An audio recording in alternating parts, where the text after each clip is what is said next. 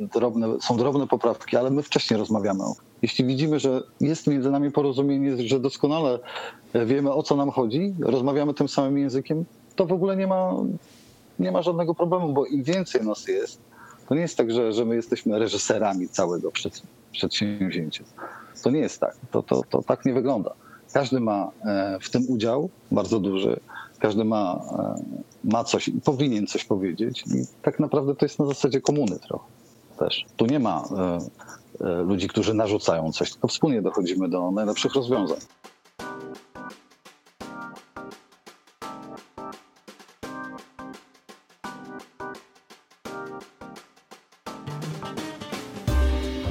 To jest podcast Czego nie widać. Mówi do Was Jakub, a rozmawiać będziemy jak zwykle na temat pomysłów do, na inspirację, na temat procesów twórczych, które stoją za rozmaitymi mediami, w, który, w ramach których tworzymy.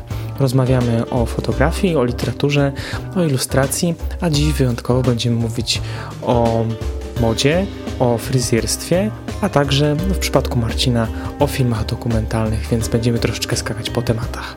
No właśnie, moimi gośćmi są dzisiaj Basia Wolna i Marcin Sajda, z którymi współpracowałem m.in. przy kampanii Movember, ale też znamy się na gruncie prywatnym i obiecuję Wam, że będzie to bardzo ciekawa rozmowa, zwłaszcza, że zdaje się parata cierpi na nadmiar pomysłów, a na pewno już e, nie można o nich powiedzieć, że doskwierałem jakieś blokady twórcze. Z góry przepraszam za jakość połączenia, które w przypadku podwójnego wywiadu okazało się nie być e, wystarczające momentami, ale nie martwcie się, wszystko dobrze słychać i mam nadzieję, że będziecie mieli taką samą radość ze słuchania tego podcastu jak ja w czasie nagrywania tego podwójnego, wyjątkowego wywiadu. Zapraszam więc do słuchania, do subskrypcji tego kanału i zaczynamy.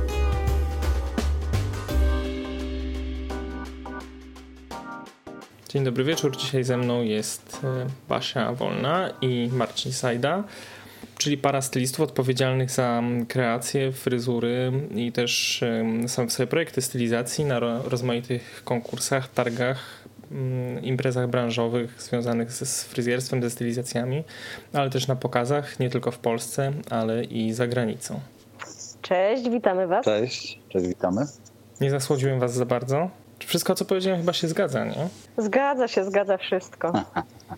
Czujemy się tylko troszeczkę onieśmieleni. Dobrze, to żeby was bardziej ośmielić, to zadam jakby najtrudniejsze i najcięższe pytanie na sam początek. Przy angielskim tłumaczeniu określenia osoby, która się zajmuje stylizacjami jest między innymi make-up artist, czyli jest tam słowo artist, więc pytanie, czy wy się uważacie za artystów? Ha, to jest dobre pytanie.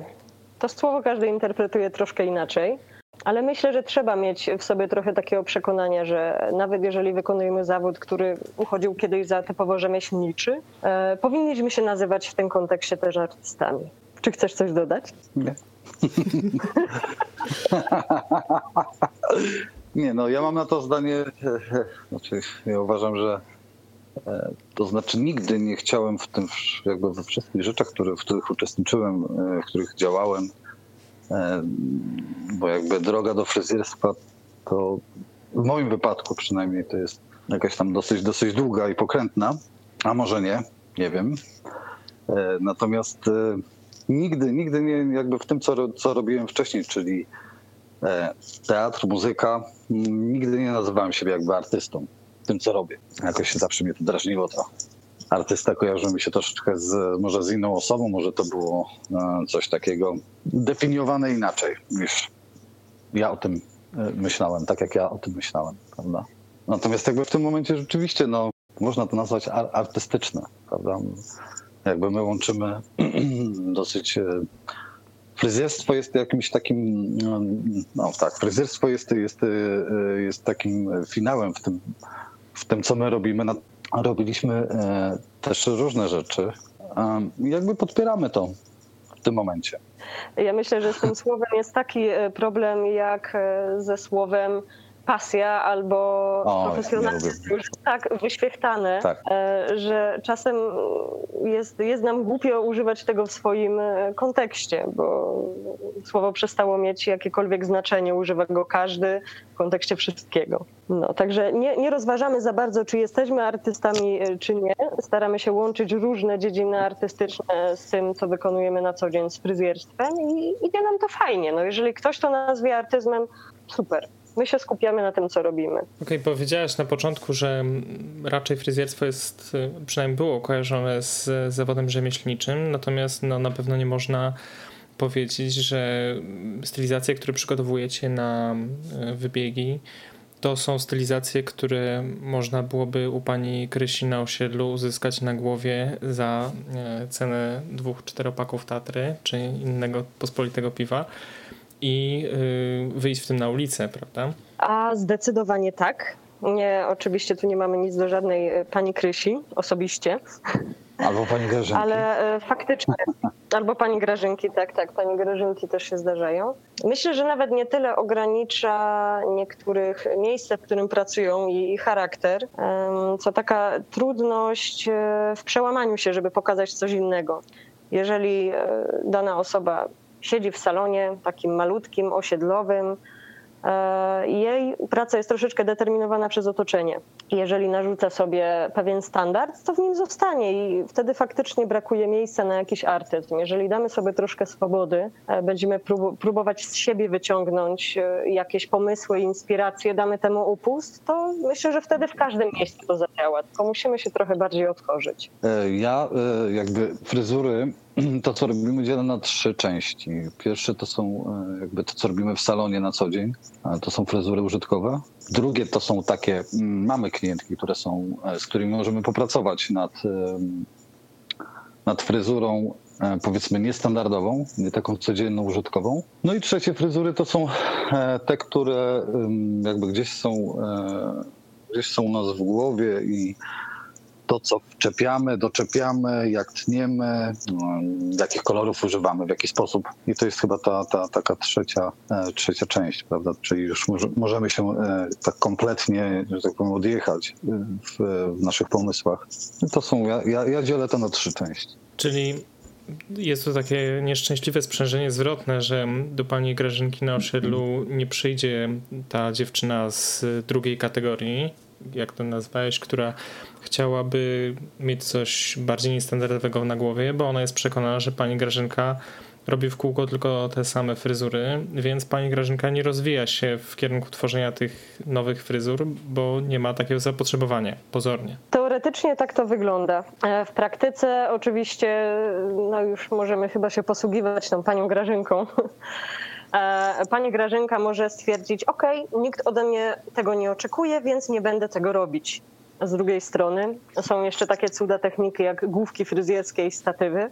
I w momencie, jak do głowy pani Grażynki wedrze się jakaś inspiracja, może dać upust właśnie na takiej główce, pokazać to, rozmawiać o tym i wtedy myślę, że nawet e, grono potencjalnych nowych klientów może się poszerzyć o osoby, które będą gotowe na coś bardziej odważnego. Tylko trzeba wyjść z inicjatywą. Więc myślę, że nie warto nikogo też e, skreślać. Inspiracja, talent może się obudzić w każdym, bez względu na to, e, gdzie pracuje, tylko nie można dać się sobie ograniczać we własnej głowie. U was kiedy ta nuta szaleństwa zaczęła się pojawiać? Kiedy zaczęło się wychodzenie poza zapotrzebowania klientek i rozpoczęcie proponowania im czegoś, co jakby jest zupełnie niestandardowe? Czy to było od początku? Wiesz co, w moim przypadku chyba tak się to nieśmiało zaczęło od w ogóle od konsultacji. Yy, Wymyśliłam sobie kiedyś, że może większy sens miałoby dopasowanie nowego cięcia, nowego koloru też do charakteru klientki. Więc kiedyś moje konsultacje wyglądały w taki sposób, że siadałam z klientką przy kawie, rozmawiałyśmy o wszystkim oprócz fryzjerstwa. Trwało to czasem pół godziny, czasem godzinę. I po takiej rozmowie wiedziałam, co mam zrobić z jej włosami.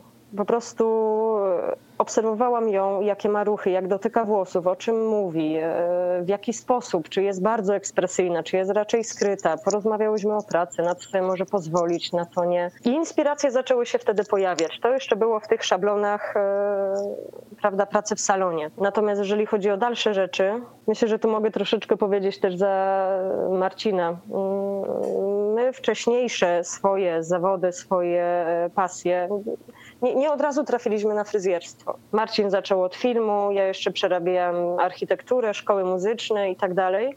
Gdzieś się to zawsze toczyło wokół różnie pojętej sztuki. No, jak już się razem spotkaliśmy i zaczęliśmy to wszystko razem ze sobą łączyć, no to już nie było siły, no już trzeba było przelać to na jakieś projekty, pomysły, rzeczy, których może nie, niekoniecznie wcześniej nigdy nikt nie zrobił, ale pewnie nie na taką skalę. To się tyczy projektów obecnych i przyszłych. Czyli rozumiem, Marcin, w filmie jedno cięcie na scenę ci nie wystarczało. Przepraszam, musiałem. No nie, nie. To jest, wiesz, to jest, to jest właśnie tak jak Basia mówi, to jest e, suma wszystkiego. E, zawsze, e, odkąd pamiętam, biegałem z kamerą prawda, tak w skrócie może opowiem. Ten film, ruch, kadr, e, to zawsze mnie interesowało. Mm, szkoła filmowa, przygoda bardziej niż, e, niż jakiś przymus, wybór. Też po jakimś czasie, prawda, wcześniej e, dużo teatrów, koncerty, organizacja, dużo organizacyjnie na pewno.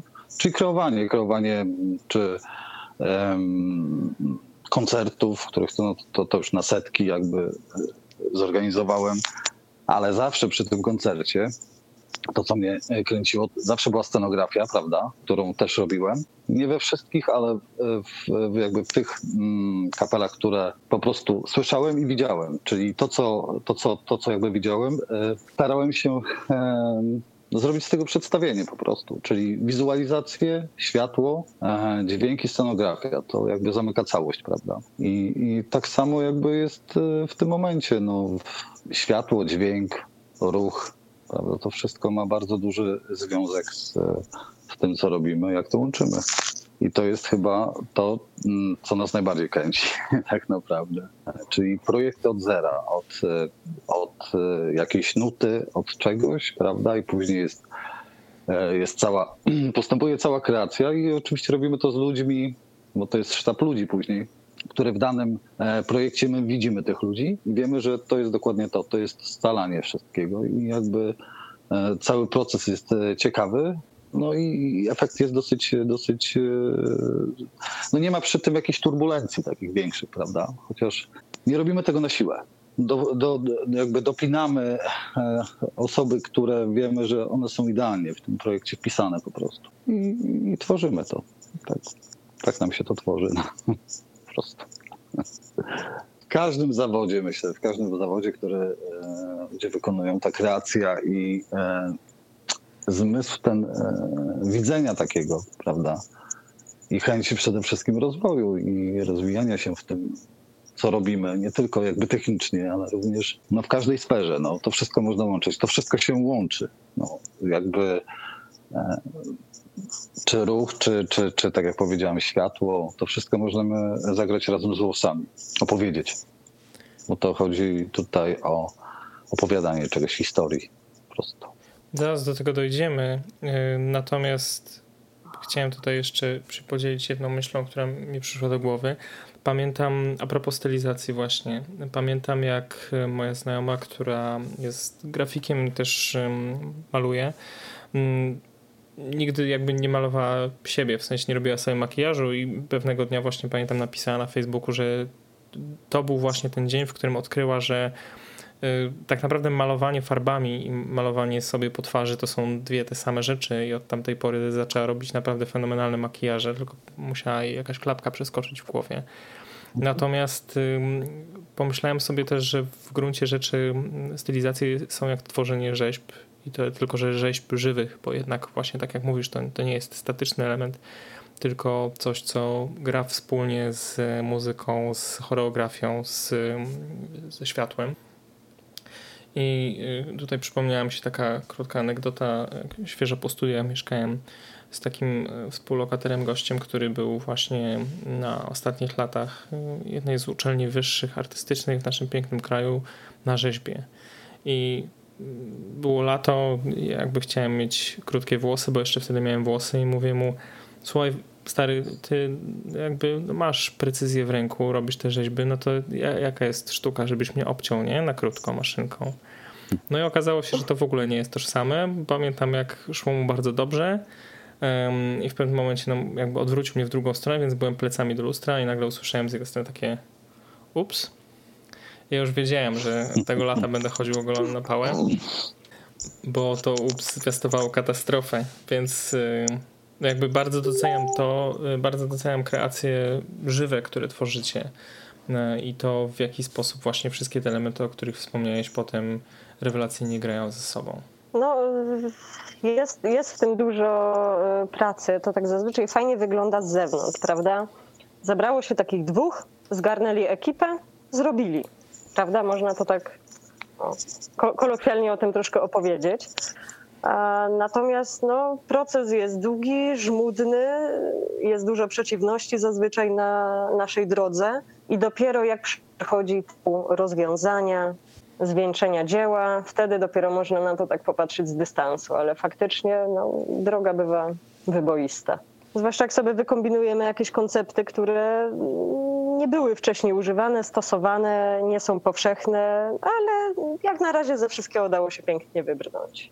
No właśnie, a propos e, dobierania sobie zespołu, no bo po pierwsze to nie jest coś, co tworzycie samemu, znaczy na pewno jakby pierwszy etap jest, jest taki, że przygotowujecie projekt, pojawiają się, nie wiem, jakieś szkice, rysunki, zdjęcia poglądowe? Niekoniecznie, wiesz, niekoniecznie szkice, rysunki. Do wielu rzeczy podchodzimy bardzo intuicyjnie na początku. Jeżeli y, rozmowa z kimś rokuje, jeżeli czujemy się fajnie, czujemy, że ta osoba y, dostrzega to, co my, wie o co nam chodzi. E, nie chodzi oczywiście o to, tak, takie rzeczy, które są wymierne, o których można opowiedzieć, tylko mamy takie poczucie, że, że z nią dojdziemy do tego, do, do, do, do tego punktu, który nas interesuje. Wtedy zaczynamy działać. Jak do tej pory, ile razy mieliśmy wrażenie, że no coś może tutaj nie grać do końca. Faktycznie na koniec no, no mieliśmy rację, no, przykrą rację. E, więc e, dużo na początku, dużą rolę gra intuicja.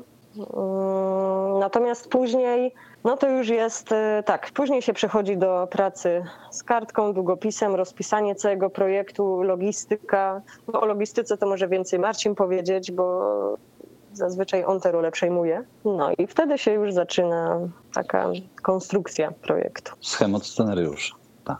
No właśnie. I na tym temacie budujemy e, jakby dalszą część. No jest to jest to konstrukcja tak jak e, identycznie jakby po, podchodzę do pisania scenariuszy dokumentów, bo takie rzeczy też robię i to wszystko właśnie polega na tym, e, że spotykamy się, z, spotykając się z pewną osobą, tak jak Basia wcześniej wspomniała, jeśli chodzi o taki wywiad, czyli pozna, poznajemy tą osobę, musi być chemia. E, takich spotkań może być wiele. Ja tutaj akurat mówię o, o pisaniu e, scenariuszy do dokumentów.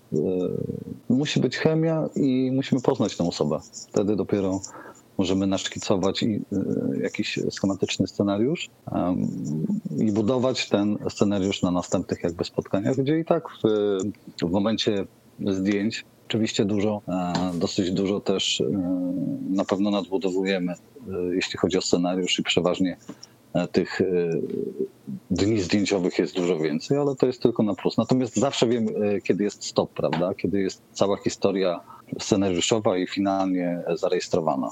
Czyli nie przeciągamy pewnych rzeczy, ale też na pewno nie należy spłycać. Jeśli powiedzmy dokument wymaga 10, 15, 20 dni zdjęciowych, to tak ma się odbyć, żeby był początek, środek i zakończenie. Prawda? No to jakby taka podstawa, ale też opowiedziana ciekawie historia na pewno. Tak samo jest jakby w tym wypadku. No.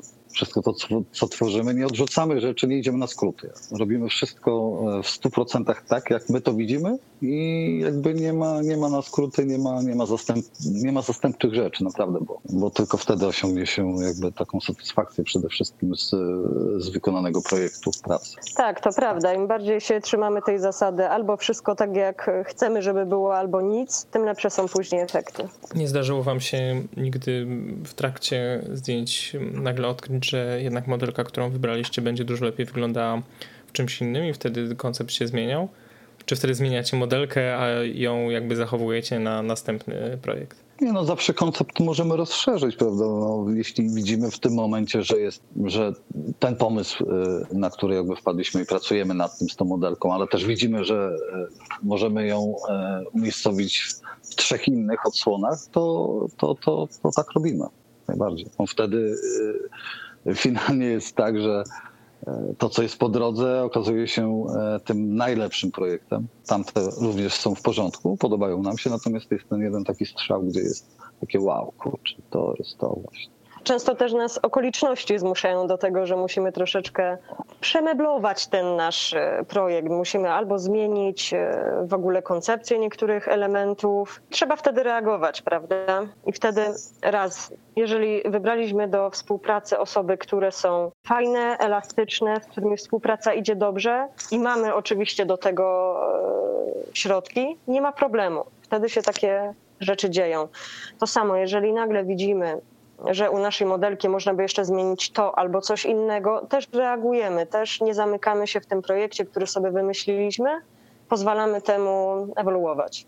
No dobrze, to cofnijmy się w takim razie e, z etapu realizacji projektu e, jeszcze do etapu jego przygotowania, właściwie jeszcze wcześniej, do momentu, w którym dopiero wpadacie na pomysł. Skąd bierzecie swoje inspiracje? Bo może inaczej.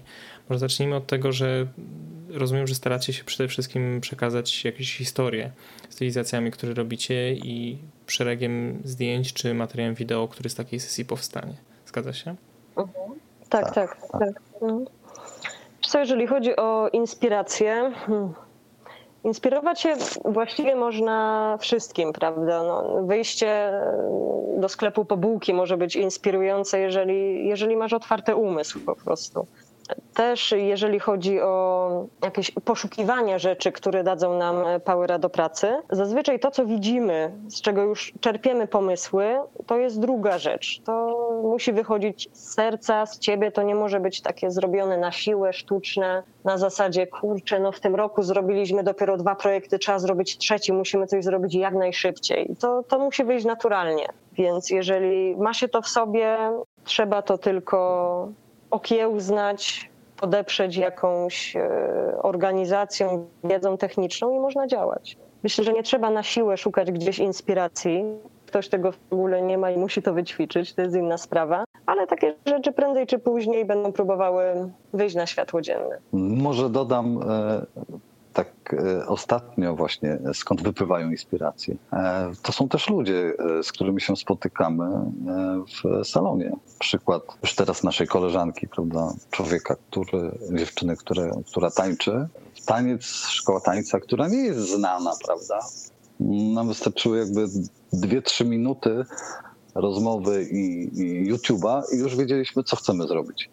I że chcemy to zrobić, że chcemy, że chcemy to zrobić. Tak, tak, tak, tak, tak. I to już jest od razu, e, od razu e, jakby źrenice nam się rozszerzają, już wiemy, czujemy to, że tak, wiemy doskonale, co jakby trwa trzy minuty. E, ja już w głowie już mi się układa scenariusz ten pierwszy. Bardzo szybko łączę to z innymi rzeczami, które gdzieś tam widziałem.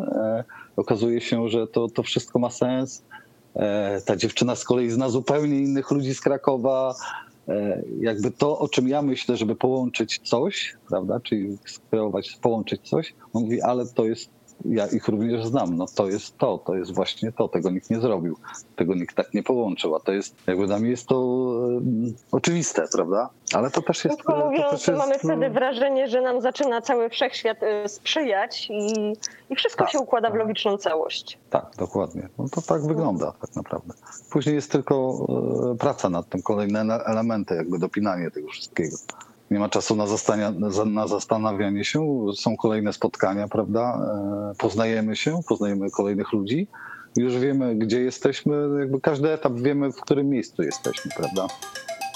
No to o to chodzi. Chciałem Was za chwilę zapytać, czy praca z taką dużą ilością osób, które biorą udział w jednym projekcie, nie jest w jakiś sposób obciążająca albo nie spowalnia realizacji tego projektu, ale widzę, że u Was to działa zupełnie inaczej, że to, że jest no tutaj sprawdza się porzekadło, że co dwie głowy to nie jedna. W waszym przypadku, kiedy tych głów jest kilka i każda wykorzystuje swoje pomysły, swoje znajomości, to te projekty szybciej nabierają kształtu. E, Zdecydowanie tak. E, Jeżeli już, e, może to tak brzydko zabrzmi, ale jeżeli się wśród różnych osób przeprowadzi taką selekcję już na początku, czyli z tym możemy współpracować, bo on jest z tym dobry, ten też jest super, ale od innego rodzaju projektów. Jeżeli odsiejemy osoby, które po prostu będą lepsze we współpracy w czymś innym i od początku mamy fajnych ludzi, którzy są w 100% nadają się do tego projektu, to naprawdę to się samo napędza. Tylko to, no, to nie mogą być właśnie przypadkowi e, ludzie. Nie, no to znaczy to odsiew. To, to, to nie, nie, nie polega to na, e, że to jest odsiew, odsiew. Jakby mamy dosyć duże grono znajomych e, z różnych dziedzin, gdzie na przykładzie fotogra- fo- fotografii powiedzmy, e, mamy znajomych czterech fotografów i każdy z nich jest dobry w czymś innym, prawda? Jeden w cza- czarno-białej fotografii, lepszego po prostu człowieka e, na, e, na sesję albo też na, jako na backstage'owe powiedzmy e, na plan zdjęciowy, e, filmowy. Nie ma lepszego człowieka, jeśli ten, e, ten charakter powiedzmy tego dokumentu, ja teraz do doku- dokumentów akurat wróciłem e, jakby e, myślą w ten sposób. E, Nie ma, no to to jest ten człowiek, bo on pokaże to najlepiej. Jeśli jest Joasia, która po prostu świetnie odnajduje się w eventowych naszych projektach, gdzie my uczestniczymy na galach i tak dalej, to jest najlepsza. I to jest ta osoba. Czy Ania, która też projektuje, ale też jest najlepsza w e, sesjach studyjnych. I tu jakby nie ma e, innych możliwości. I e, to grono się zna i rozumie doskonale, dlaczego akurat w tym projekcie uczestniczy ta osoba. My się wszyscy znamy, ale tu nie ma żadnych jakichś takich wątpliwości, dlaczego ten fotograf bierze w tym udział, a nie inny znajomy, prawda? To jest jakby logiczne, nie ma na tym, nie ma, e, nie ma tutaj wątpliwości. Nie ma ani wątpliwości, ani żadnych jakichś takich, e, nie ma tego typu, dlaczego mnie nie wziąłeś, albo takich jakichś takich dziwnych rzeczy. Jesteśmy na zupełnie wszyscy poziomie, na normalnym poziomie. Po prostu doskonale zdajemy sobie sprawę, kto gdzie jest dobry i kto jest e, gdzie umiejscowiony w danym projekcie. Ale jakby tak to działa, no, no tak jest. Jesteśmy dorosłymi wszyscy ludźmi, e, nie powiem artystami, rzemieślnikami, jakkolwiek, nie no ludźmi, którzy wykonują swoją pracę. Myślę, że wiele osób, które pracują same przy rozmaitych projektach artystycznych, albo mm, powiedzmy fotograf plus modelka, albo właśnie osoba odpowiedzialna za stylizację czy za makijaż plus modelka plus fotograf, y, czy osoby, które tworzą coś zupełnie same, bez względu na to, jakie to jest medium, mogą wam, myślę, bardzo poważnie w tym momencie zazdrościć, bo nagle się okazuje, że to wcale nie jest tak, że współpraca z większością ludzi zaczyna być problematyczna, tylko prowadzi was to do y, coraz ciekawszych, coraz nowszych projektów, a my sobie siedzimy sami w domach i nagle się okazuje, że to może dlatego nie tworzymy. No, powiem ci, że warto być otwartym na, na takie rzeczy i wtedy się może dużo zmienić. Może się okazać, że to, jak pracowaliśmy do tej pory, wcale nie było najlepszym rozwiązaniem i może warto to poszerzyć o nowe osoby. Czy No jednak to myślę, że myślę, że to zależy, jak podchodzisz do danego projektu.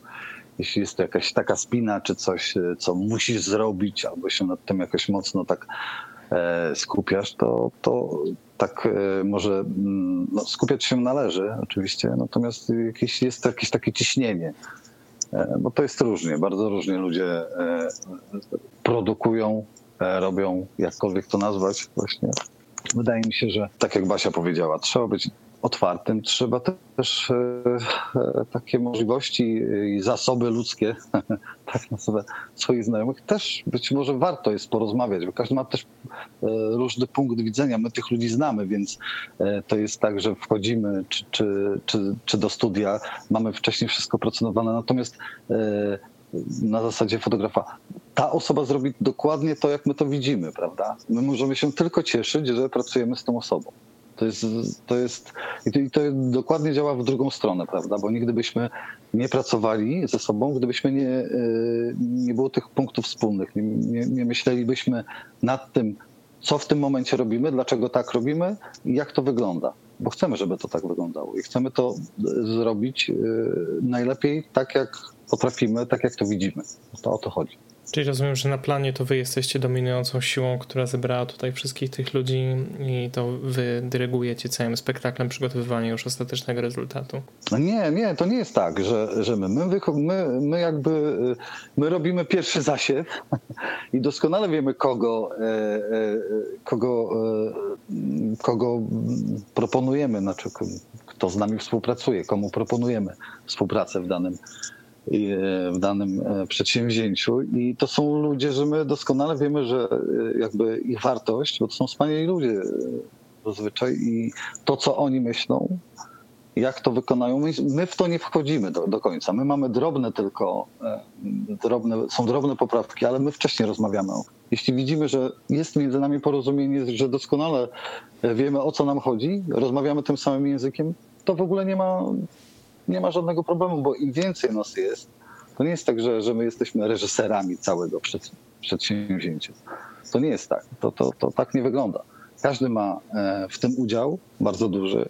Każdy ma, e, ma coś i powinien coś powiedzieć. I tak naprawdę to jest na zasadzie komuny trochę też. Tu nie ma e, ludzi, którzy narzucają coś, tylko wspólnie dochodzimy do najlepszych rozwiązań. My to bardzo dobrze niomy... Marcin powiedział, że faktycznie nie chodzi o to, że my jesteśmy reżyserami, mamy to robić tak, a nie inaczej, tylko dajemy też ludziom taką pewną e, dowolność. Skoro ich wybraliśmy, skoro e, my wiemy, że za sobą nam się będzie dobrze pracowało, niech oni też pokażą to, co mają w sercu, prawda?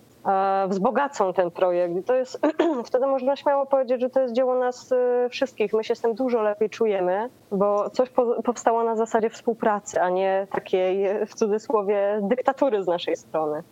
Spróbujcie w takim razie wrócić pamięcią do pierwszych projektów, które realizowaliście.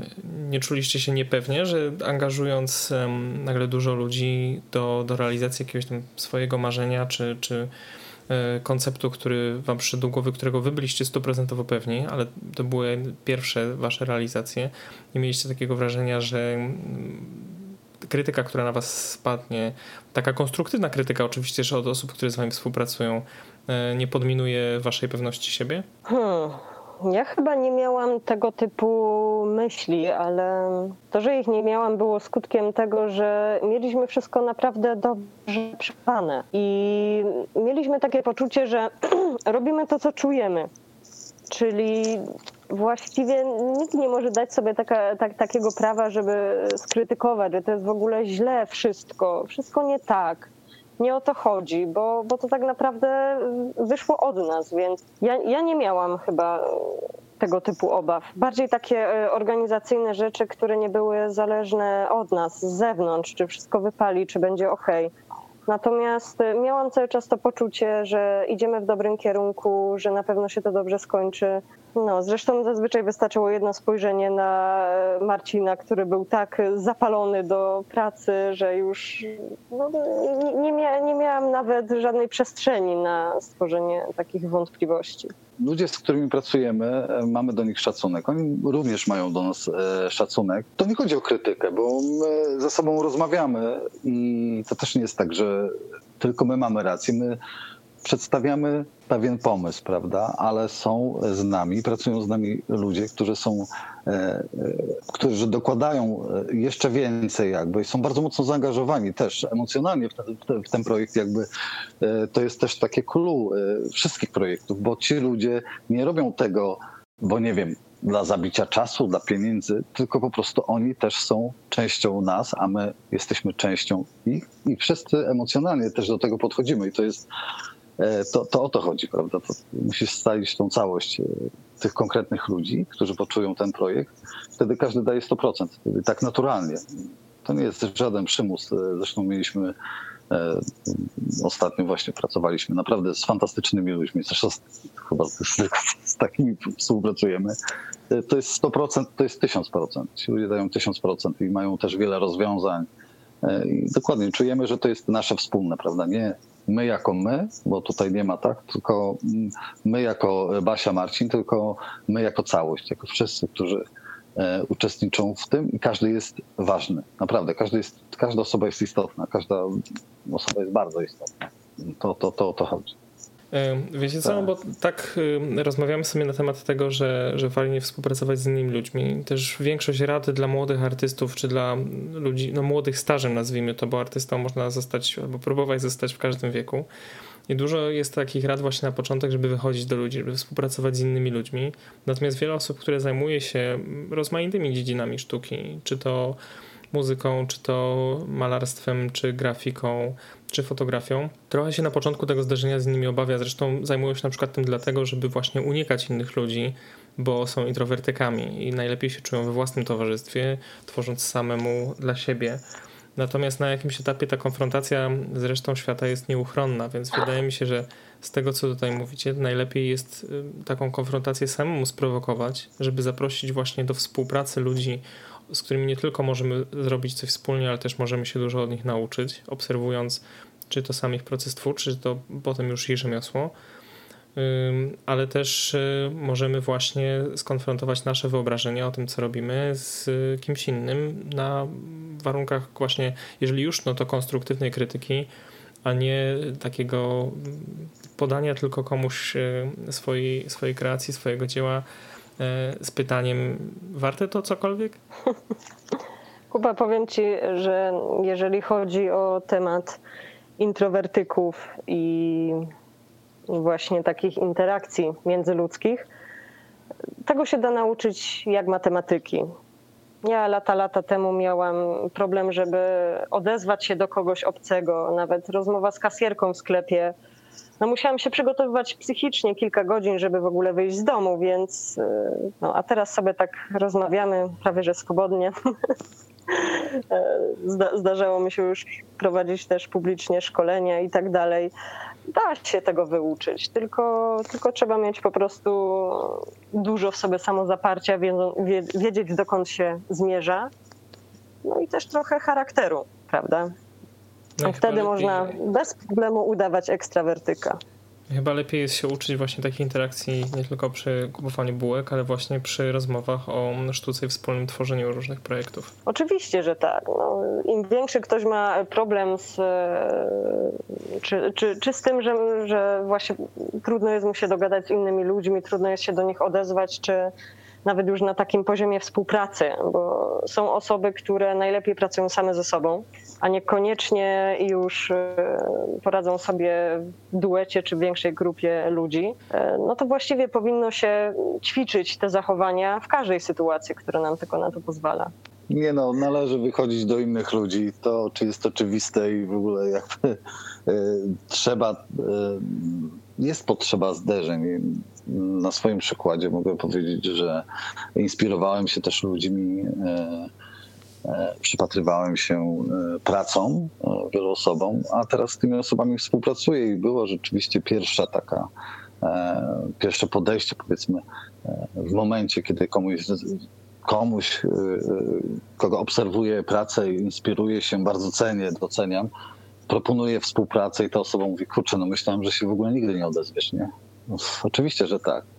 Że bardzo czekałem albo czekałem na, na ciebie, kiedy w końcu przyjdziesz i powiesz, że może zrobimy coś razem. To właśnie o to chodzi. Nie należy się zupełnie, zupełnie jakby y, bać tego, co myślimy, jak robimy, Należy takie kroki podejmować. To jest tylko na, na pewno na plus, a na pewno proponujemy osobom, które doskonale rozumieją nas, znają też, e, a nawet jeśli nie znają, to, to, to, to przynajmniej dowiemy się, czy ta, czy ta osoba krytykuje tylko, czy swobodnie z nami porozmawia i być może coś nam dobrego przekaże. No dobrze, czyli mamy zespół, mamy inspirację, mamy pomysły. Teraz przechodzimy do realizacji sesji, realizacji stylizacji czy, czy materiału wideo. No to moje kluczowe pytanie brzmi i pewnie wielu słuchaczy się nad tym zastanowiło, w jaki sposób stylizacje mogą opowiadać historię?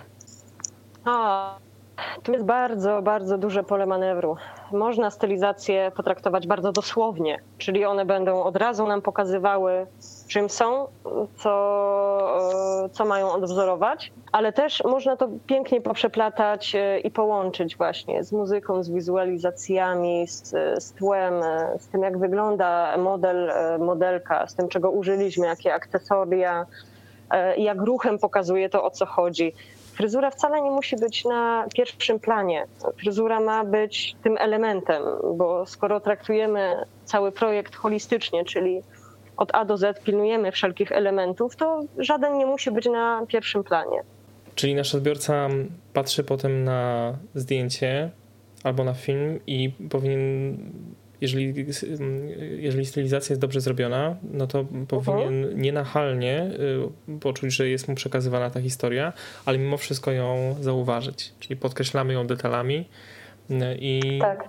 i ruchem, ewentualnie światłem. Mhm. Jaki Wszystkim, rezultat? do czego mamy właściwie dostęp. Ja myślę, że Martin też y, nie za bardzo lubimy taką dosłowność w przekazie. O to chodzi, że o, znaczy, o to chodzi w projektach. Projekt, który trwa powiedzmy 6 minut, e, który przygotowujemy parę miesięcy, ale finalnie jest to, mówię o projekcie filmowym, powiedzmy 6-minutowy. Jakby to nie chodzi o to, żeby raz obejrzeć e, te 6 minut, tylko wracać do tych 6 minut i za każdym razem coś e, odkrywać, prawda? I interpretować to w bardzo różny sposób. To też jest, to też, też jest dos, dosyć ciekawe, to co ja lubię w w jakichkolwiek przekazach wideo, to co oglądam, to, to do czego wracam, prawda? I oglądam to za jakiś czas, coś odkrywam i coś odkrywam nas, nas, następnego dnia, to, to też o to chodzi. A w przypadku Koniec zdjęć? przekaz. Myślę, że do zdjęć też się wraca, oczywiście, że tak. Jak najbardziej. To jest taka sytuacja, mm, często przynajmniej ja tak mam, że jak oglądam jakiś film, super fajne wrażenia, obejrzę go drugi, trzeci, czwarty raz, za każdym razem wyłapię tam coś innego. E, Staramy się nasze projekty też robić w ten sposób. Ja przynajmniej dużo, dużo takiej satysfakcji e, czerpię, mm, że staram się rozplanować cały projekt w ten sposób do kilku grup osób. Jedne zobaczą tego rzeczy takie oczywiste, bardzo prosty przekaz, prostą historię i sobie ją zinterpretują po swojemu. Kolejne osoby zobaczą, co jest tam głębiej, już tak pod powierzchnią wody. A trzecia, najmniejsza grupa osób zobaczy to, co my, to, co my tam widzimy, cały przekaz, yy, całą puentę tego. To jak w dobie treści, które są błyskawicznie konsumowane, czy to na YouTubie, czy na Instagramie, gdzie oglądamy coś szybko i tak naprawdę bardzo pobieżnie, dajemy lajka albo łapkę w górę, w jaki sposób tą uwagę przykuć, żeby ktoś chciał zostać na dłużej, zobaczyć i odkryć te kolejne warstwy? To jest bardzo dobre pytanie, bo można by było do tego podejść tak jak wszyscy, prawda? Czyli musi być piękne, doświetlone zdjęcie, dobrze wybrany kadr, e, żeby przykuł uwagę. Mm, Ja bardziej lubię takie intrygujące elementy, które zwrócą uwagę. To nie musi być nachalne, nie musi, się, nie musi być po prostu widoczne z daleka. Odpowiednie osoby, które mają e, podobną estetykę mm, do naszej, wyłapią to, co trzeba i odpowiednie osoby zerkną.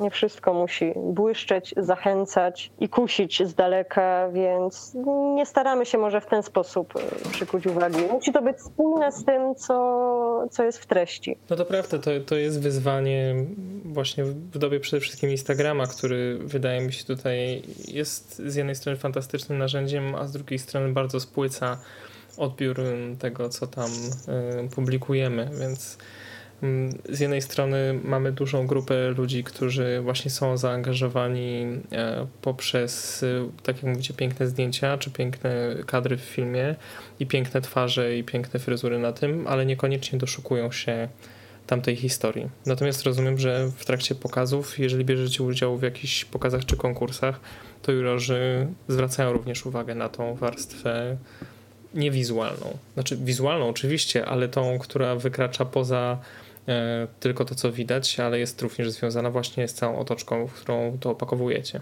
Myślę, że tak, bo sam, sam wiesz, jakimi treściami jesteśmy teraz bombardowani, jak to wszystko wygląda. Wszystko jest, ma być na szybko, efektownie, zwracać uwagę, robić taki duży wybuch i generalnie od razu patrzymy na następne rzeczy.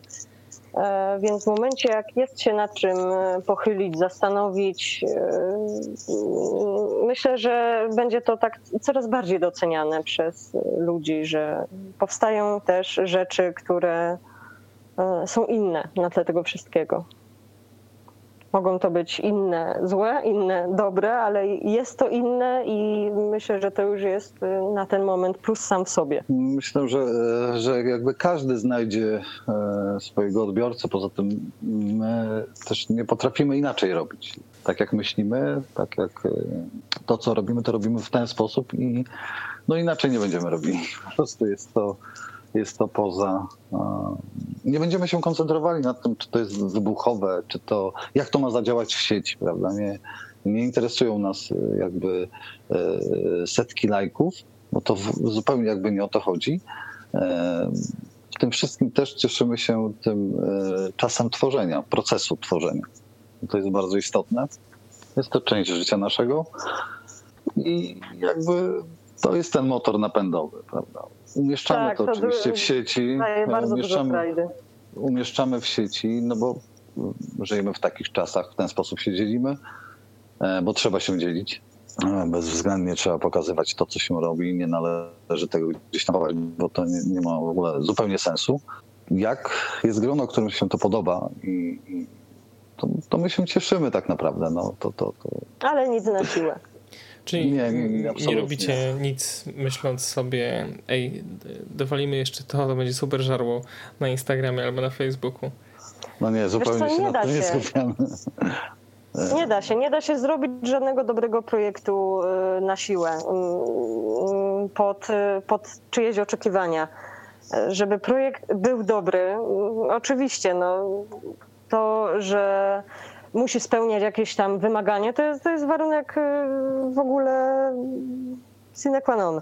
Ale najważniejsze jest, co, co to oznacza, jaka jest symbolika, jaki jest y, przekaz, że, że to musi iść z serca, to musi być naturalne, a nie, nie, nie pod czyjeś potrzeby, nie pod y, potrzeby obecnych mass mediów, bo to, to nie ma sensu. To będzie kolejna praca zrobiona po to, żeby był efekt. My, my wiemy, jak to zrobić. Po prostu nie korzystamy z tego, bo nas to nie Nie interesuje. dopalamy e, To nie daje satysfakcji. Nie jesteśmy przerażeni, że mamy bardzo mały, mało łapek pod zdjęciami, na przykład, czy projektem.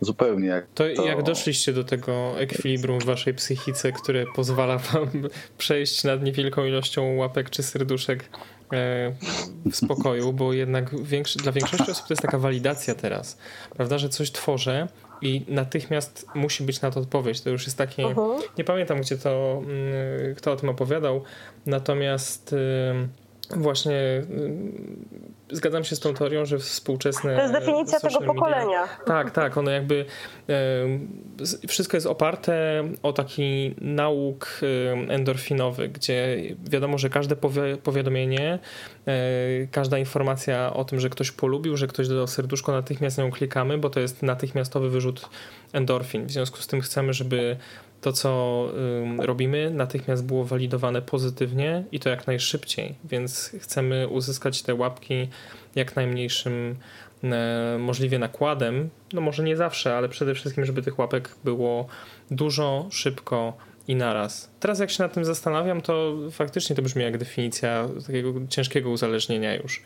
Wiesz co, bo to tak przeszło na, naturalnie właśnie. Nawet y, nie, zda, nie zdawaliśmy sobie wszyscy z tego sprawy, nie zauważyliśmy, jak, jak bardzo nam zależeć na takiej szybkiej gratyfikacji w postaci, no na przykład na, na Instagramie tych serduszek i tak dalej. I tu do ciebie Marcin, uwaga, kilkaset serduszek to nie jest mało. Kilkaset łapek w górę to nie jest mało. Tylko no, my się po prostu skupiamy na innych rzeczach. No, staramy się mm, nie oceniać siebie przez pryzmat ilości lajków i tak dalej, no bo no, nie dopalamy sztucznie naszych, naszych materiałów, naszego kontentu, więc też nie spodziewamy się, że od razu będzie wielkie wow, prawda? Nie wiem, jakoś tak nie, nie myślimy chyba o tym jakoś tak szczególnie. No, jak już by, były takie sytuacje, że jak już było za dużo jakichś polubień, to już tak zaczęło to do nas wyglądać dziwnie, niepokojąco i tak wręcz było to dla nas coś bardziej na nie niż na tak. No więc bardziej się skupiamy na samym projekcie, że fajnie, że to dotarło do tych osób, do których trzeba, które, których interesują takie rzeczy, a nie do jakichś losowych kont, które nie wiadomo jak zabłądziły i w ogóle nie, na, nawet nie zerkną, nie, nie zastanowią się nad tym, co wrzucamy. Więc nie, to mamy z tym pełen luz. Nie jest to dla nas wyznacznik. No dobrze, oczywiście wszyscy chcielibyśmy robić tylko projekty dla siebie. Najlepiej żyć z jakimś mecenasem bogatym, który będzie nam e, sponsorował nasze kolejne artystyczne odpały. Natomiast e, na jakimś etapie trzeba gdzieś z tymi projektami też wyjść, czy to w waszym przypadku na konkursy, na wybiegi. Uh-huh. Jak to wygląda w tym układzie? Jeżeli wiecie, że konkurs się zbliża, to jak udaje Wam się taką inspirację znaleźć i, i ją przygotować? Na czas? Nie zawsze działamy w ten sposób, że znajdujemy sobie konkurs i wymyślamy, co by do niego zrobić. Bardziej staramy się odwrócić ten proces, czyli w momencie, jak mamy coś w głowie, zastanawiamy się wtedy, gdzie, w jaki sposób to pokazać, żeby było to dla nas fajne, cała ta oprawa. Jeżeli wtedy jest jakiś konkurs, okej. Okay. Chociaż e, o konkursach fryzjerskich można by mówić dużo, nie zawsze wszystko jest takie, na jakie wygląda. E, ale no, chyba, chyba raczej wychodzimy od projektu niż e, od tego, żeby coś zrobić, gdzieś pokazać. Jakby prawda jest taka, że e, mamy tyle pomysłów do zrealizowania. Jeśli płynie czas, są następne. To wszystko jest gdzieś zapisane. Skupiamy się na jednym bądź też zazwyczaj na jednym dużym projekcie wymagającym e, współpracy z e, wieloma osobami i na mniejszych studyjnych, prawda? Ale jakby też nie potrafimy rezygnować z, z, z nowych rzeczy, staramy się to jakoś robić jednocześnie, ale też nie, nie narzucać sobie nie wiadomo e, jak długo, że, że ten projekt tak długo już tutaj nieruszony coś, że tylko 20% zrobionego. Prawda? Nie ma czegoś takiego. Wiemy, że do niego wrócimy albo przyjdzie czas na ten, e, na ten projekt. Natomiast po drodze też jest dużo mniejszych projektów albo współpracujemy z ludźmi, którzy nas zapraszają do współpracy, to też są E, to te, też są takie projekty, które wymagają e, od nas e, wysiłku albo czasu. Bardziej wysiłku to nie no, czasu po prostu. Ale to wszystko jakoś płynie. Jeśli chodzi o konkursy, no, no ja nie jestem zwolennikiem konkursów po prostu w fryzjerskich formach takich, które widziałem. No, oczywiście w Europie są dosyć ciekawe pokazy alternatywne fryzjerskie i tam, tam byśmy się na pewno e, odnaleźli. No, natomiast w takich tradycyjnych, e, w ta tradycyjnej formie może e, pokazu fryzjerskiego, no tak, tak nie, no bo my tak nie myślimy, tak nie robimy. Jakby nas to za bardzo nie interesuje nie czujemy tego w ten sposób. Więc dobieramy też konkursy, na których możemy coś zrobić rzeczywiście w konwencji na nas jakby przyswajamy. A kiedy macie zamówienia z magazynów, kiedy realizujecie sesje dla magazynów na przykład, to zwykle dostajecie z góry jakąś informację, jak, jaki jest temat projektu, czy też staracie się korzystać z tego, co wcześniej wymyśliliście? Mm, ostatnio bardziej wyglądało to w ten sposób, że była jakaś sugestia ze strony organizatora, E, natomiast y, można było śmiało wtrącać swoje uwagi, jakoś to modyfikować. E, Im fajniejsza ekipa, z którą pracujesz, to tak naprawdę można wspólnie na miejscu zrobić świetną rzecz, zrobić świetny wspólny projekt. Mimo tego, że wytyczne były takie, pogadaliśmy, zrobiliśmy z tego coś e, dużo lepszego. Więc nie, nie zawsze są tam rzeczy narzucane E, jeżeli chodzi o takie realizowanie już totalnie swoich wizji, to bardziej to wychodzi w naszych projektach. Zdarza Wam się porzucać projekty? Że realizujecie coś do jakiegoś etapu i nagle stwierdzacie, kurczę, to totalnie nie jest nie to, nie, do śmieci. E, nie ma takiej możliwości, e, ponieważ każdy projekt, w który już wchodzimy, to wiemy, że, że nastąpi również jakby koniec, finish tego projektu. Nie, nie, nie, może na tym etapie już e, nie eksperymentujemy e, na takiej zasadzie, że mm, a może, mm, może tak to zrobimy. My wiemy, co mamy robić i e, wiemy, jak chcemy to zrobić, więc jeśli jest ten projekt, może ewentualnie założenia czasowe mogą tutaj być przesunięte w czasie. Projekt może być przesunięty.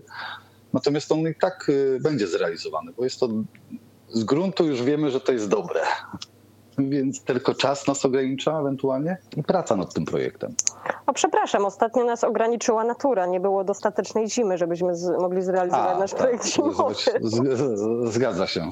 No, ale, w z- ale z naturą miejscu. nie pogadasz, więc, więc Z już naturą czekamy. nie. A na etapie inspiracji macie tak, że parę dni myślicie o czymś, a potem dochodzicie do wniosku, że nie, w ogóle nie ma sensu tego rozpisywać? E, Ba, wiesz co, chyba bardziej takie techniczne rzeczy mogą nas ograniczyć, że na przykład jeszcze nie wiemy, jak coś wykonać i, i po prostu czekamy na to, aż, e, aż wymyślimy jakieś dobre rozwiązanie. Ale raczej jak już się coś pojawiło w głowie, inspiracją bywa tak, że bardzo warto ją szanować, nie uciszać, starać się jak najbardziej ją wydobyć na zewnątrz i wtedy wychodzą najfajniejsze projekty. Więc jeżeli coś się pojawia, to ja przynajmniej nigdy tego nie ignoruję. Staram się na to znaleźć jakieś e, fajne rozwiązanie, może jakoś to wzbogacić, ale jak już coś się we mnie pojawia, to e, zawsze prędzej czy później e, ujrzy to światło dzienne. chodzi o mnie, no to każda inspiracja, wszystko sobie nanoszę to na papier po prostu i, i tak naprawdę mam stosy tych papierów i czasami jak odgrzebuję, to Duże odgrzebuję stosy? bardzo fajne rzeczy. Duże stosy, bardzo duże. Ja jestem manualem, więc ja piszę na kartkach, e, notuję na, na, na kartkach i, uwielbiam trzymać długopis i pisać długopisem albo ołówkiem. Inaczej nie piszę. Później mogę to przenieść e, już na wyższą technologię, ale ogólnie wszystko robię manualnie, więc ja sobie e, te notatki przeglądam, te projekty przeglądam i e, bardzo często jest, że jest sytuacja, gdzie pewne elementy wykorzystuję, o których zapomniałem na przykład. A przypominam sobie czytając, o kurczę, i wykorzystuję to e, w jakichś rzeczach bieżących, no nic nie ginie. Każda myśl, która nam się wydaje, czy pomysł, który wydaje się e, dobrze, kiedyś to być może zrealizuje, ale ja zapisuję to, bo nauczyłem się tego, że to gdzieś ucieka, to gdzieś tam jest e, wywiane, a na, natomiast mamy bardzo różne okresy w życiu, przepływu e, takich e, dużych, dużego potencjału twórczego i tego jest masa I, i, i zdarzało mi się tak, że no nie mogłem nad tym zapanować, więc wszystko musiałem notować. Wszystko, wszystko notowałem i to się przydaje, to się sprawdza. Są projekty, które mogą leżeć rok, dwa, ale one są do zrealizowania i one będą zrealizowane.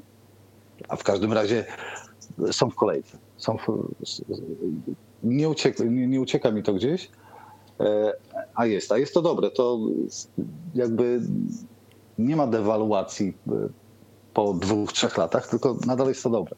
Albo przynajmniej jest to punktem wyjścia do e, dalszej historii, jakiejś historii. Czy wy w ogóle cierpicie na jakieś blokady twórcze?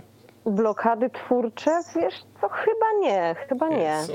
Ja przynajmniej zawsze te swoje. Mm, znaczy, jeszcze nam nie zabrakło tych inspiracji, bo ja też właśnie zawsze starałam się zapisywać. Jak, jak miałam jeszcze takie poczucie, że kurczę, technicznie nie jestem gotowa, albo jestem w ogóle jeszcze za słaba. Zapisywałam to wszystko, chowałam do szuflady, czekało to na, na odpowiedni moment. Takie projekty można później właśnie starać się okiełznać, podeprzeć już tą techniczną wiedzą, e, organizacją i wtedy to wszystko pięknie płynie. No, bywa, że to przyjdzie nie w czasie, ale nic nie ucieknie. Mamy takich rzeczy, i ja i Marcin, e, bardzo dużo, takich, które zawsze chcieliśmy zrealizować. Nie zawsze były możliwości e, techniczne, nie wiem, finansowe nawet. Nawet taka proza życia prawda, mogła ograniczać. Ale na wszystkie przychodzi czas, więc nie, jak się jest e, zresztą tak nakręconym e, na to, co się robi, jest bardzo ciężko, żeby, żeby inspiracja była problemem. Strasznie wam zazdroszczę, mówiąc zupełnie szczerze. No dobrze, a skoro już jesteśmy przy tych wszystkich projektach, jakbyście mogli dostać grant na dowolną ilość pieniędzy na realizację jednego z nich, co by to było? Hmm. Zależy jak duży to byłby grant. Marcin, dowolny, także Dowolny. teraz niech ciebie poniesie wyobraźnia. Rany. E, No, ja bym z, jednak tutaj z dziedziny filmowej chyba. Serię dokumentów, nad którą zresztą pracuję, e, ale jeszcze nie ujrzało to światła dziennego, aczkolwiek w tym roku coś się na pewno zadzieje. Ale tak, o najstarszych rzemieślnikach, nad którym pracowałem nad takim projektem filmowym, dokumentalnym i myślę, że no, z tych materiałów, które mam, to wyszłaby e, dosyć pokaza- pokaźna seria dosyć ciekawych dokumentów o ludziach, o rzemieślnikach fantastycznych, nierzadko ostatnich, e, żyjących. Nie fryzjerskim, przepraszam. Porządny chłopak chyba, że się Basia obrazi. Nie, nie, nie, ja, ja się już w ogóle rozmarzyłam, ja już ten grant mam, ja już, y, ja ja chyba poszłabym w akademię sz- szkoleniową i starałabym się dać możliwość edukacji wszystkim tym, którzy nie mają takich możliwości z przyczyn różnych. No tak, to by mogło być ciekawe, bo swoje, swoje projekty mm, artystyczne traktujemy jako coś, co nas, e, prawda, w czym się spełniamy, co nas wzbogaca. To jest takie, takie bardziej dla nas. Natomiast gdybym już miała takie możliwości, to chyba zdecydowałabym się zrobić coś, e, na czym skorzystałoby bardzo, bardzo wiele osób. No, czyli e, jestem egoistą, tak. Wszystkim. No nieprawda, jakby próbujesz utrwalić kawał historii bardzo ważny. Oczywiście kawał historii bardzo ciekawej na pewno i e, osobowości ludzi, maniery, nierzadko e, tej takiej już unikatowej, zdecydowanie, bo jakby każda historia to- jest człowiek e, i jakby rzemiosło jest dookoła tego, natomiast e, tu o to, że ten człowiek jest bardzo istotny i tu dzieje się cała historia. Ale na pewno, na pewno pierwsze odcinki będą własny, własnym sumptem, ale jakbym miał takiego grant, to tak, to tak, z 20. To już miałbym e, na 3 lata tak, taką pracę ciekawą. non-stop. Kuba, rozmarzyliśmy się przez ciebie. No dobrze, kochani, to ostatnie pytanie. Jakbyście mogli wskazać na koniec jeszcze jakiegoś artystę bez względu na dziedzinę albo medium, w którym pracuję, takiego, którego warto polecić, mm, czy to ze względu na to, że jest po prostu świetny w swoim fachu, czy ze względu na to, że jest dla was i dla innych osób też mógłby być inspiracją, to kto by to był? To znaczy, tutaj chyba z fryzjerstwa, e, myślę, że Basia e, potwierdzi, to, to są szkoleniowcy z GAT, Gad, z Chorwacji. E, Dzięki Sebastianowi Curyło, którego też jakby cenimy bardzo za to, co robi, bo też podobnie myśli do nas jakby i też wychodzi poza fryzjerstwo. Fantastyczny, właśnie fantastyczny fryzjer, ciekawa osobowość, taki dobry mental. Właśnie polecamy też e, ostatnią e, jego pracę razem z żoną, właśnie, która nazywa się Menta. Mm, Z GAT właśnie. Chorwacja. Mm, To y, odkryłem ich parę lat temu. Tak pokazałem Basi. No mistrzowie formy ogólnie, geometrii, e, która mnie fascynuje e, od zawsze. E, Geometrii przełożonej na włosy. Jakby po, po spotkaniu miesiąc czy dwa miesiące wstecz e, poznaliśmy osobiście i e, no i są, to są fantastyczni ludzie, którzy e, poza takim czysto rzemieślniczym podejściem, ale te, te, te, też mają filozofię właściwie tego, co robią. Bardzo dużo ciekawych rzeczy na pewno nam przekazali. No i to jest tak, to jest, to jest zgad. Może, może Basia uzupełni jeszcze tu moją wypowiedź. Może... Tak, zde- zdecydowanie uzupełnię, tylko ja bym chętnie uzupełniła jeszcze o dwie e, postaci, z którymi e, współpracowaliśmy, współpracujemy dalej. Jeżeli mogę, jeżeli to nie, nie zaburza w ogóle tutaj jakiegoś, e, wiesz, twojego pytania. Dawaj. E, Więc, e, tak, więc bardzo chciałam tutaj zaznaczyć osoby, z którymi e, pracowaliśmy i przy naszych projektach, i z którymi teraz będziemy pracować też nad wizerunkiem naszego salonu, ale to o tym będą informacje jeszcze za niedługo. Czyli pierwsza osoba, Adrian Woźny, który Tak jest. jest fantastycznym artystą, robi piękne prace, zarówno obrazy, rzeźby, ma totalnie niekonwencjonalne podejście do tematu. Też tworzy z serca. Często jak, jak się popatrzy z boku na jego pracę, to ma się wrażenie, że to robiło dziesiątki innych osób, a to jest po prostu z, jedne, z jednej głowy wszystko wyjęte. To mm, naprawdę fantastyczna postać. Też chciałabym tutaj wspomnieć e, Anię Kubisz. Ania Kubisz, którą- oczywiście. Tak, tak, z którą pracowaliśmy przy okazji naszej e, sesji mm, na targi w Katowicach, e, na konkurs fryzjerski w Kopenhadze. Ania raz, że wykonała dla nas fantastyczne stroje, to jeszcze zrobiła nam sesję zdjęciową, także mm, to, to, to są dla mnie takie osoby, z którymi na dzień współpracujemy i które bardzo cenię. Natomiast to, co Marcin powiedział e, o, na temat e, Akademii e, Szkoleniowej z to jak najbardziej, no bo to były osoby, które obserwujemy od dawna, mają świetną technikę, ale też świetne podejście, nie tylko do fryzjerstwa, do życia, do, do ludzi, do, do zawodu. Więc tak, tak. Ta, ta trójka jak najbardziej zasługuje na wyróżnienie. Niemniej Ja muszę jeszcze dodać e, Michała, oczywiście, e, e, Mazurkiewicza, fantastycznego człowieka, bardzo e, dobrego, no, dobrego, świetnego fotografa. świetnego fotografa, tak, e, Lajka w Zmysie i oczywiście trzy. E, Lajka nas wspiera, my wspieramy Lajk. No i oczywiście jeszcze Joasia Florek, też druga, druga po, po, połówka Michasia i to jest też fantastyczne, że współpracujemy e, z e, dwójką, dobrze mówię dwójką, to tak się mówi dwójką, czy dwo, Tak. fotografów, Tak. dwójką fotografów, którzy, e, gdzie jest to para i każdy doskonale wie, a to już jest działka Joasi, a to już jest moja działka.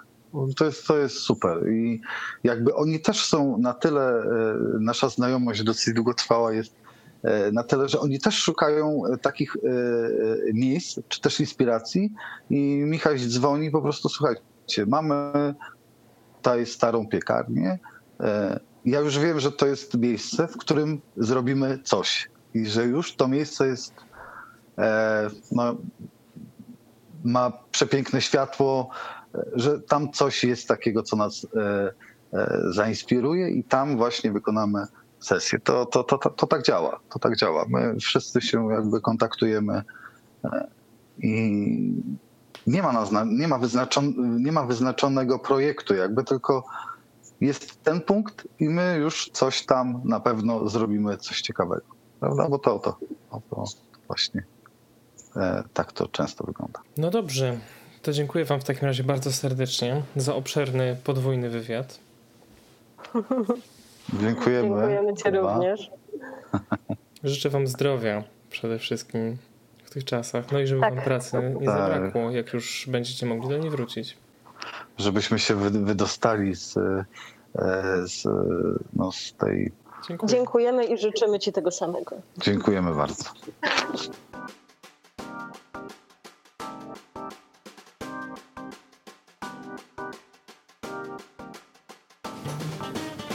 To był podcast Czego nie widać, a moimi gośćmi byli dzisiaj Basia Wolna i Marcin Sajda. Możecie ich oczywiście znaleźć na Instagramie. Mnie znajdziecie na mojej stronie internetowej, czyli kubakaj.eu i zapraszam Was oczywiście również serdecznie do subskrybowania tego podcastu, gdziekolwiek go słuchacie. Wszystkiego dobrego, trzymajcie się ciepło i cześć.